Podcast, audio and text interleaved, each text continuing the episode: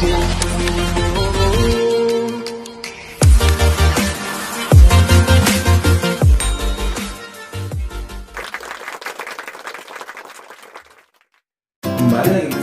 Agung Suryoyo Gumelar dalam acara Biodelegation Podcast. Podcast yang selalu menemani Anda semuanya di rumah. Mau di rumah, mau di kantor, mau di mana lagi ya, mau di tempat liburan Ini masalah, yang penting kita selalu menemani. Dua hari sekali kita upload video baru.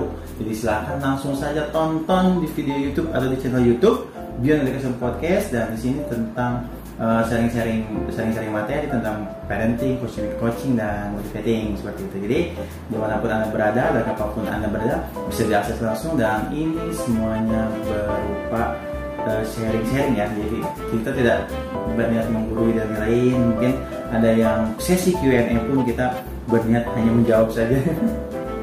tidak berniat untuk menggurui dan tidak merasa paling benar juga di sini kita hanya berusaha menjawab yang terbaik yang bisa kita lakukan dan mudah-mudahan semuanya bisa mendapatkan inspirasi atau mendapatkan materi atau mendapatkan uh, sesuatu yang bermanfaat untuk kehidupan anda di rumah. Oke, dan jangan lupa kalau misalnya langsung dirasa bermanfaat silahkan langsung di share aja ke setiap uh, anggota keluarga boleh terus ke teman juga boleh ke siapa pun itu langsung klik share tombol share di video YouTube ini atau share di bawah ini dan kalau misalnya ada pertanyaan langsung saja bertanya kepada kami official Biointegration di bawah ada Gmailnya terus juga di bawah juga WhatsAppnya dan di bawah juga ada Telegramnya jadi jangan sungkan-sungkan langsung saja bergabung karena kita update dua hari sekali. Oke, baik bersama Pak Doni. Halo teman-teman semuanya. Pak Doni. Gimana nih Dong? Waduh, ini biasa nih Pak Doni ini. Ada apa nih? Kita kebanjiran pertanyaan. Waduh, meluap. ya. Iya sampai meluap saya sampai bingung mau jawab yang mana. Salah satu aja. Oke, siap-siap. Ada ada pertanyaan apa nih? Ini Yours. yang paling saya soroti sih karena saya juga eh, merasa bahwa eh, beliau perlu segera ditolong. Oh, perlu segera direspon gitu Pak. responnya. Sebenarnya sih sudah banyak yang terjadi di Indonesia Pak sebenarnya permasalahan ini tapi saya sebentar saya baca dulu lengkapnya. Biodelegation, selamat siang. Saya ingin bertanya bagaimana cara bagaimana cara menyikapi Mm-mm. keluarga yang broken home. Mm-mm. Saya merupakan salah satu anaknya dan saya merasa bingung harus bagaimana dengan keluarga saya. Saya memiliki adik satu orang dan orang tua yang sudah broken home itu berarti Bisa. pisah ya Pak? Yang sudah pisah dan saya bingung harus melangkah ke mana karena tahun ini saya baru lulus SMA, oh baru lulus kemarin.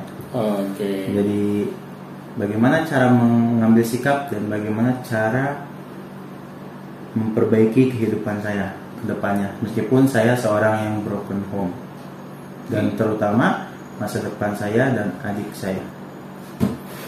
Wow, panjang Pak. Ya. Ini pertanyaan yang luar biasa beratnya ya.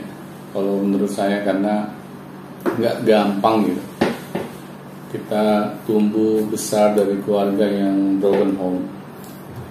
Karena keluarga yang utuh saja banyak anak yang dibesarkan dari keluarga yang utuh.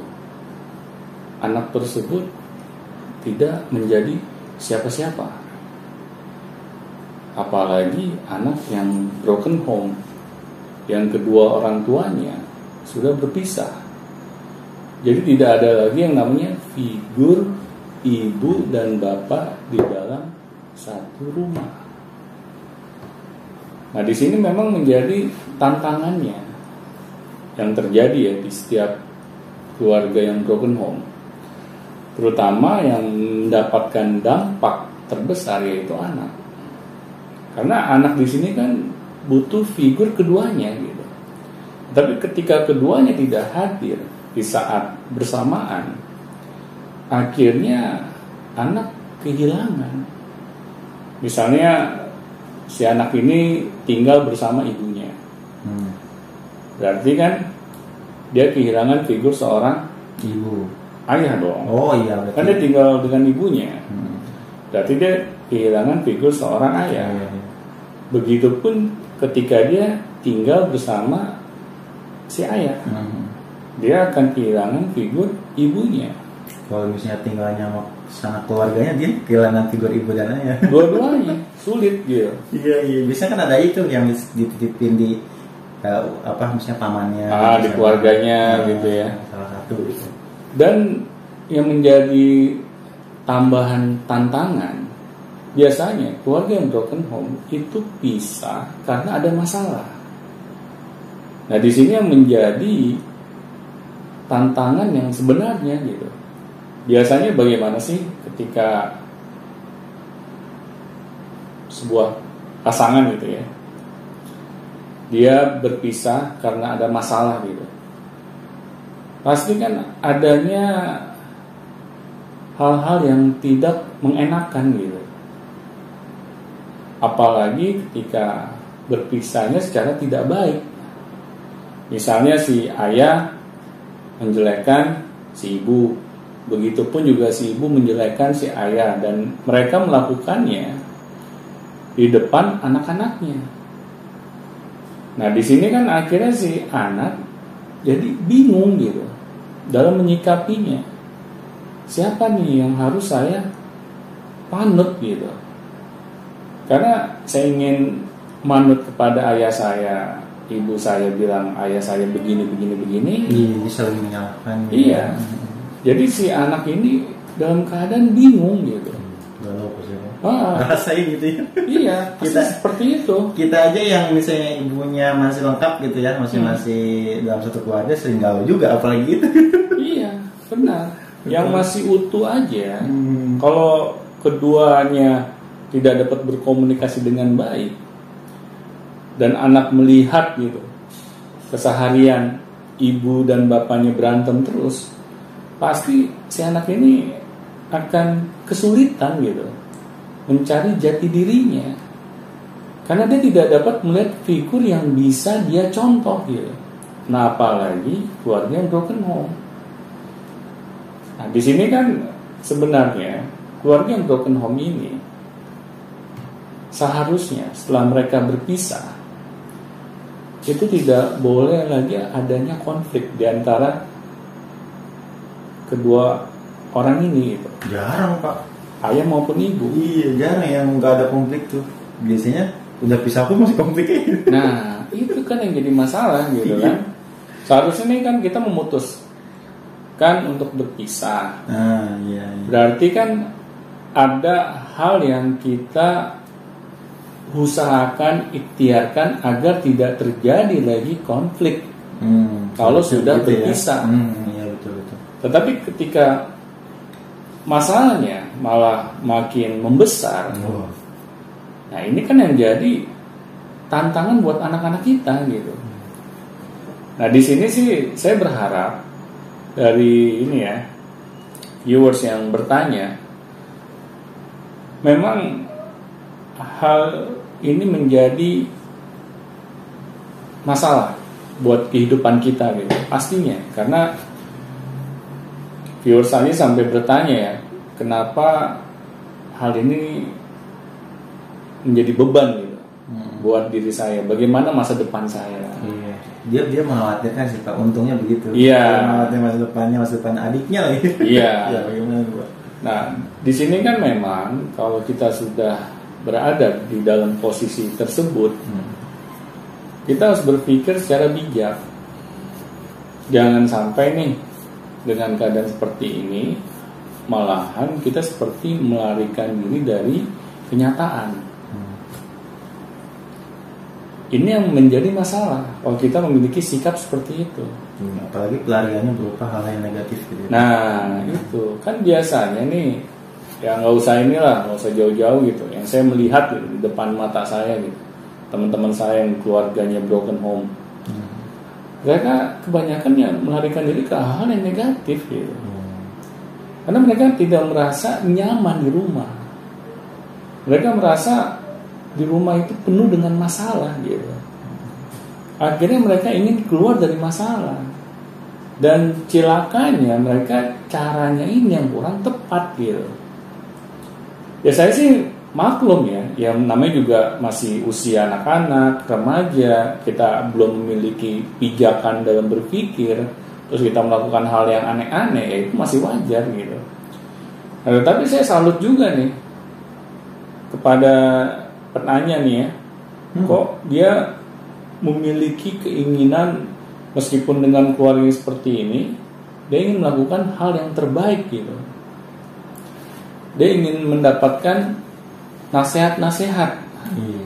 Dia tidak menutup diri Ah, dari kebaikan ya. benar. Dan hanya maksudnya yang mau belajar kayaknya sih. Iya, karena orang kalau sudah bertanya pasti ingin belajar. Hmm. Kalau dia tidak bertanya, berarti dia akan menutup dirinya gitu. Nah, di sini saya hanya ingin bukan ingin menasihati ya, tetapi saya ingin berbagi saja. Siapa tahu hal yang kita bagikan ini bisa bermanfaat gitu kan buat viewers gitu. Hmm. Memang yang tadi di awal saya bilang ini pertanyaan yang berat gitu. Ya ngomongnya sih gampang.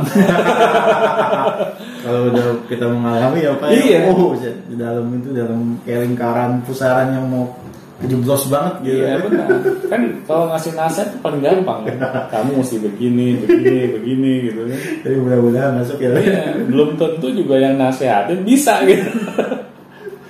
ya, ya karena apa ya? Yang tadi saya sudah jelaskan ya, teman-teman saya aja yang dari keluarga broken home itu kebanyakan kehidupannya itu berantakan gitu. Ada yang kena narkoba, Hmm.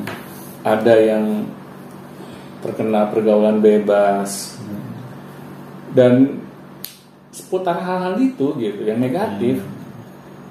Dan akhirnya jarang gitu saya melihat contoh orang yang sukses lahir dari keluarga yang broken home. Asli ada cuma sedikit.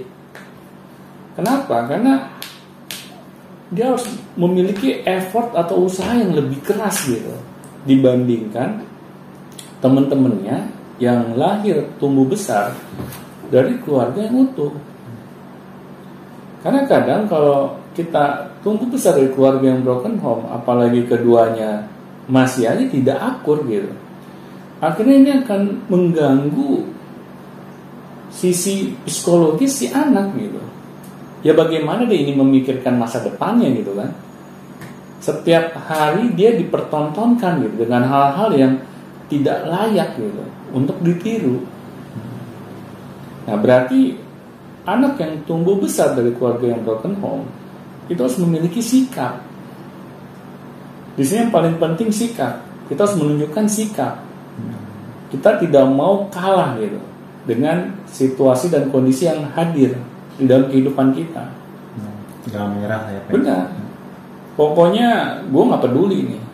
Meskipun ibu dan bapak saya seperti ini keadaannya, ya sudah. Biarkan itu kehidupan mereka. Mereka yang menjalaninya. Saya memiliki kehidupan saya pribadi. Dia harus bisa memutuskan punya sikap ya Pak ya. Iya. betul. Ya, ya yang tadi saya bilang ngomong sih gampang. Mudah-mudahan gampang juga Iya. implementasinya. Nah, tapi saya yakin gitu kalau dia sudah bertanya ya, Hmm. berarti kan dia membuka diri. Ada tekadnya. Ah, dia mau menerima masukan. Karena orang yang seperti itu aja nggak gampang gitu ditemukan. Iya, betul. Kadang kan kita merasa ah hidup emang udah seperti ini, Hmm. ya ngapain kita perjuangkan? Iya, presiden udah ada gitu ya. Iya. Akhirnya kan kita tidak memiliki sikap gitu. Nah, di sini memang yang paling penting kita harus menunjukkan sikap yang positif. Hmm, antusiasme untuk Ah. mendapatkan kehidupan yang baik. Memang punya itu dulu ya Pak ya. Benar. Punya niat dan punya sikap gitu kan. Iya. Hmm. Kita tunjukkan gitu Hmm. kepada ibu dan bapak kita bahwa kita ini meskipun lahir dan tumbuh besar dari keluarga yang broken home, tetapi saya akan tetap memikirkan masa depan saya. Dan akhirnya dengan cara kita memiliki sikap seperti itu, itu ibu dan bapak juga bisa jadi malu loh Hmm. kok anak saya bisa lebih dewasa dibandingkan ibu bapaknya. Ini kan sebuah tamparan yang keras gitu Nah, iya, buat mereka. Mereka boleh deh tua secara umur, tetapi pemikiran tidak ada dewasanya. Ya, tidak lebih dewasa dari seorang Ah. anak yang ingin berjuang gitu. Benar. Kalau saya sih memberikan saran, kita tidak usah banyak meratapi nasib. Hmm. Pertama itu. harus punya antusias terus jangan meratapi. Ah, ya sudah kejadian seperti ini tidak bisa saya hindari. Inilah yang ada di depan mata saya. Dan hal ini sudah diizinkan oleh Tuhan hadir di dalam kehidupan saya. Berarti tidak ada yang salah dengan takdir Tuhan. Nah, bagaimana cara kita menyikapi? Nah, itu PR-nya. Ya sudah, ini memang sudah terjadi. Yang penting sekarang kita cari jalan keluar terbaik. Hmm. Nah, kalau misalnya kita sudah memiliki pola pikir seperti itu, kita akan diberikan oleh Tuhan solusi-solusi berikutnya. Hmm. Hmm. Tetapi kalau kita dari awal lebih banyak meratapi nasib, menyalahkan keadaan, mengapa ibu dan bapak saya seperti ini, gitu kan? Kenapa harus terjadi kepada saya? Ah, nah, akhirnya pintu-pintu solusi itu tertutup. Hmm. Nah, di sini makanya pentingnya kita memiliki pola pikir yang benar Hmm. dan sikap yang benar. Iya dan jangan meratapi nasib. Ya, itu. Dan kondisinya begini Pak, kalau misalnya anak itu memang sekarang pada kondisi yang tertekan ya Pak, karena Hmm. dia masih anak-anak nih ceritanya. Hmm. Lulus SMA dia bilang gitu kan. Sebenarnya dari lulus SMA itu kan dia harus berpikir apakah dia harus eh, apa harus apa harus apa gitu kan, harus Hmm. bekerja dulu kah, harus kuliah kah, harus apa. Nah apa yang harus dilakukan Pak ketika dia lulus SMA ini dengan kondisi broken home? Dan mungkin sih kalau dilihat dari pertanyaannya ya orang tuanya tidak bisa diharapkan lagi gitu. Ini, nih? Ini, ini udah mulai struggle Ya. nih. Ya.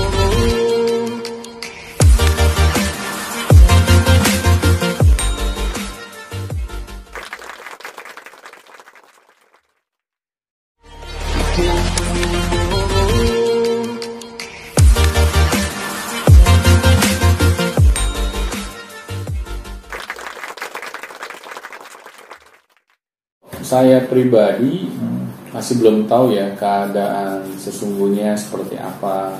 Apakah orang tuanya masih uh, bisa menafkahi anaknya? Kan belum tentu ya keluarga yang broken home, tetapi mereka tidak peduli gitu dengan pendidikan anak-anaknya. Saya nggak tahu nih kejadian realnya seperti apa. Hmm. Tetapi kalau misalnya kedua orang tuanya masih menyanggupi uh, memenuhi apa namanya tanggung jawabnya agar pendidikan anak-anaknya tidak putus di tengah jalan, ya sudah lanjutkan. Hmm. Kita fokus terhadap pendidikan kita dulu. Para pendidikan dulu. Iya benar, karena kan sebelum kita memutuskan untuk bekerja, apalagi terjun ke masyarakat, Hmm. kita harus memiliki ilmunya dulu. Kita tidak mungkin gitu, kita mau terjun nih ke masyarakat, tapi terjun bebas gitu, Hmm. terjun payungnya pakai payung, Iya kan? Prasut, Pak. Prasut. Hah? Prasut. Ya parasut, ya sama aja.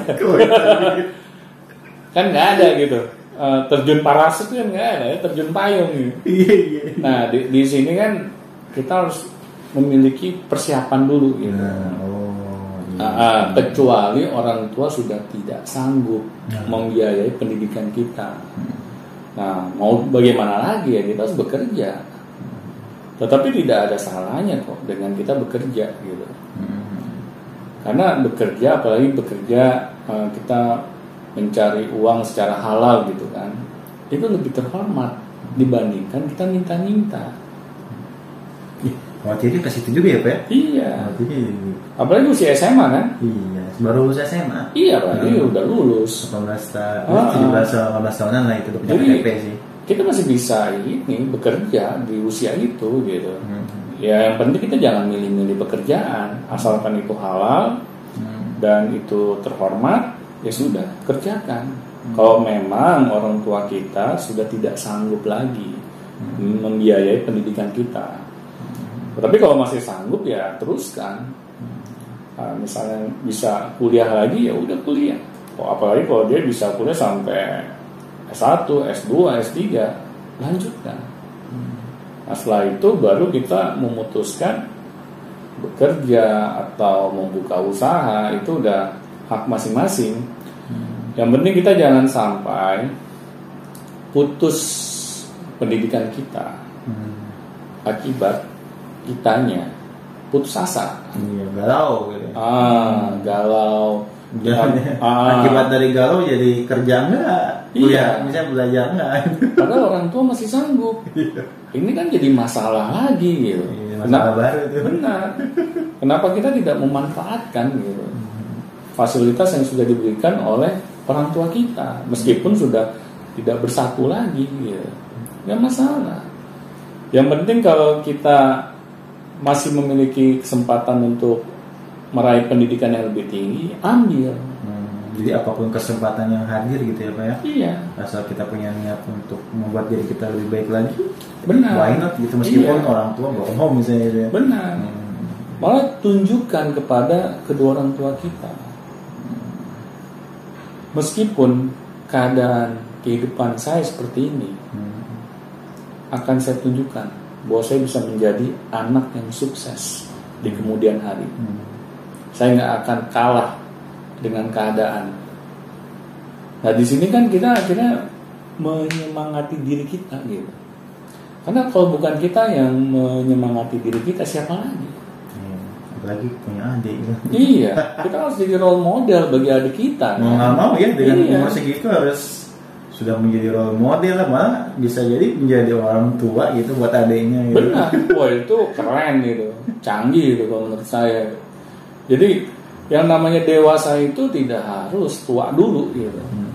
Malah kalau anak yang bisa dibilang masih muda tapi pola pikirnya dewasa, wah itu keren banget. Itu kalau dia laki-laki, itu cewek ngantri. Karena perempuan itu seneng gitu dengan laki-laki yang memiliki pola pikir yang dewasa. Padahal dia masih muda. Dia orangnya nggak baperan, dia orangnya punya sikap, dia orangnya bisa memanage waktu dengan baik. Ya cewek mana coba yang nggak suka gitu sama cowok yang model seperti itu. Apalagi kalau misalnya uh, si cowok gitu kan, anak mami gitu, cewek itu paling enak malah. iya, Iya betul. karena dikit-dikit mami, dikit-dikit mami Hmm. cewek juga ngeliat dia ini cowok cowok jadi-jadian atau apa gitu kan Hmm. karena cowok itu kan harus memiliki sikap memiliki pola pikir yang benar tahu tujuan hidupnya mau ke mana yang namanya cewek kan akhirnya menjadi followernya si cowok yang seperti itu gitu kan Gentle gitu kelihatan Ah. gitu ya.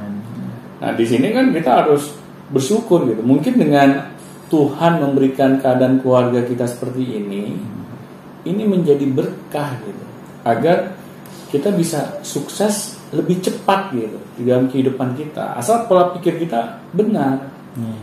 kita tidak menjadikan ini menjadi masalah gitu. Apalagi beban gitu. Ah, ah. kita menjadikan ini suatu hal yang positif gitu. Hmm. Nah tinggal kita arahkan pikiran kita ke sana. Itu proses pendewasaan yang lebih ba- yang lebih mudah itu lebih keren Benar. dan lebih sama Tuhan atau sama Allah di percepat itu kan udah Benar. bersyukur banget kita ya. Ya kayak ini aja deh, seorang kapten kapal gitu ya. Hmm. Kita bisa lihat seorang kapten kapal itu hebat atau tidak dalam mengendalikan kapalnya. Itu dalam keadaan ombak yang tenang atau ombak yang luar biasa dahsyatnya gitu. Pastinya kan seorang kapten kapal itu ketika dia bisa mengendalikan kapalnya dalam keadaan ombak yang luar biasa dahsyatnya gitu. Berarti dia seorang kapten kapal yang teruji gitu. Kehebatannya. Tetapi kalau dia hanya selalu dihadapi oleh ombak-ombak yang tenang gitu, nah. Yang Nggak ada istilahnya gitu. nggak ada nggak ada riaknya sama sekali gitu kan? Iya. Ya kita belum bisa menyebut dia seorang kapten kapal yang hebat. Nah di sini anak ini diberikan ujian kehidupan itu kita perumpamakan seperti ombak yang luar biasa dahsyatnya besarnya gitu. Nah di sini malah kita bersyukur gitu. Kapan lagi nih Hmm. kita mendapatkan ujian seperti ini? Iya, apalagi ini kesempatan nih. Iya. Ya, mestinya jarang-jarang gitu kan anak diuji dengan hal seperti itu. Iya. Jangan kita patah semangat. Jangan kita merasa ini ujian hanya milik kita sendiri gitu. Hmm, dia merasa ini ini ujian paling berat. Ah, kok orang lain tidak diuji seperti saya ya. Hmm. Jangan kita memiliki mindset seperti itu. Karena kita belum tahu keadaan orang lain di luar sana tuh bagaimana. Ternyata kita tahu ada orang lain yang diuji lebih dahsyat bagaimana coba. Kita kan jadi malu sendiri. Kita merasa orang yang paling apa namanya paling sengsara, Hmm. ternyata di luar sana ada lagi orang yang lebih sengsara hidupnya. Iya. Nah, jadi di sini kita tidak boleh yang namanya meratapi nasib. Tetap bersyukur. Ah, tetap bersyukur. Karena dengan kita meratapi nasib berarti kita menutup pintu keberkahan yang Tuhan berikan. Hmm. Karena Tuhan ini tidak akan menguji hambanya di luar kesanggupannya. Pasti ketika kita diuji nih dengan keluarga yang broken home, kita dinyatakan tuh sanggup gitu sebenarnya. Iya. Kalau kita paham dengan ayat itu gitu. Tuhan itu nggak bukan salah pundak ya? Iya, Nah, benar. Nggak mungkin tuh salah ngasih ujian Benar. tewas. Iya. Kalau Tuhan memberikan ujian di luar kemampuan hambanya, ya yang tadi Agung bilang tewas semua itu. Karena nggak ada orang yang bisa hidup gitu. Ini terlalu berat gitu kan. Ya udah deh, gue bunuh diri aja. Gitu. Tapi banyak yang memutuskan seperti itu ya, yang Nah, merasa berat gitu. Karena dia belum paham dengan ayat ini gitu. Tapi kalau dia paham, dia akan melihat sisi positifnya. Oh ternyata ujian seperti ini memang Tuhan percaya dengan saya. Hmm. Bahwa saya akan sanggup menjalaninya. Tetapi kalau kita terbalik gitu pola pikirnya, oh ujian seperti ini karena Tuhan memang nggak suka sama saya gitu kan. Iya, malah begitu. Nah itu berarti kita mematikan gitu potensi kita. Nah seharusnya kan apa yang Tuhan hadirkan dalam kehidupan kita itu sebenarnya ingin memacu potensi yang kita miliki. Meskipun kelihatannya nggak enak gitu. Ya seperti ini deh. Misalnya kita dihidangkan gitu dengan makanan yang enak-enak gitu makanan yang enak-enak ini kan biasanya ya makanan yang nggak sehat. Ya karena kelezatannya menggunakan kaldu atau pengawet Iya. Benar. Betul, betul. Nah, kalau makanan sehat biasanya kita kurang berselera gitu. Iya, orang cuma direbus doang. Iya kan?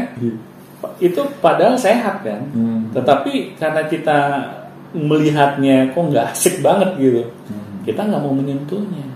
Padahal itu untuk kebaikan kita sendiri. Nah, begitupun juga dengan keadaan keluarga kita yang seperti itu. Kelihatannya sih nggak enak gitu. Tetapi ketika kita syukuri, oh ternyata ini pemberian Tuhan yang terbaik bagi kehidupan saya. Nah, jadi tinggal di sini kita coba berpikir terbalik. Terbalik di sini ketika kita melihat bahwa keadaan di depan mata kita sesuatu hal yang tidak enak, ternyata ada pesan di situ. Pesan yang positif yang Tuhan ingin berikan kepada kehidupan kita. Dan di balik kesulitan pasti ada kemudahan. Oke. Mantap. Terima kasih Pak Doni. Sama-sama. Dan mudah-mudahan semua sudah terjawab ya sangat sangat sangat jelas dan sangat sangat lugas itu adalah salah satu bentuk dari uh, usaha kita ya sebagai Hmm. orang-orang yang eh sebagai orang-orang maksudnya sebagai seseorang yang mengalami kesulitan terutama yang broken home. Mm. Jadi jangan sampai menyerah pada nasib Iya. dan tetap terus berusaha dan jangan lupa kalau misalnya ada pertanyaan silakan langsung ditanyakan kepada kami bisa lewat chat bisa lewat email bisa lewat juga WA dan Telegram silakan langsung ditanyakan saja dan pasti pertanyaan itu akan kami balas dan pasti akan kami bahas dan terima kasih dan sampai jumpa di video edukasi selanjutnya Sampai jumpa teman-teman.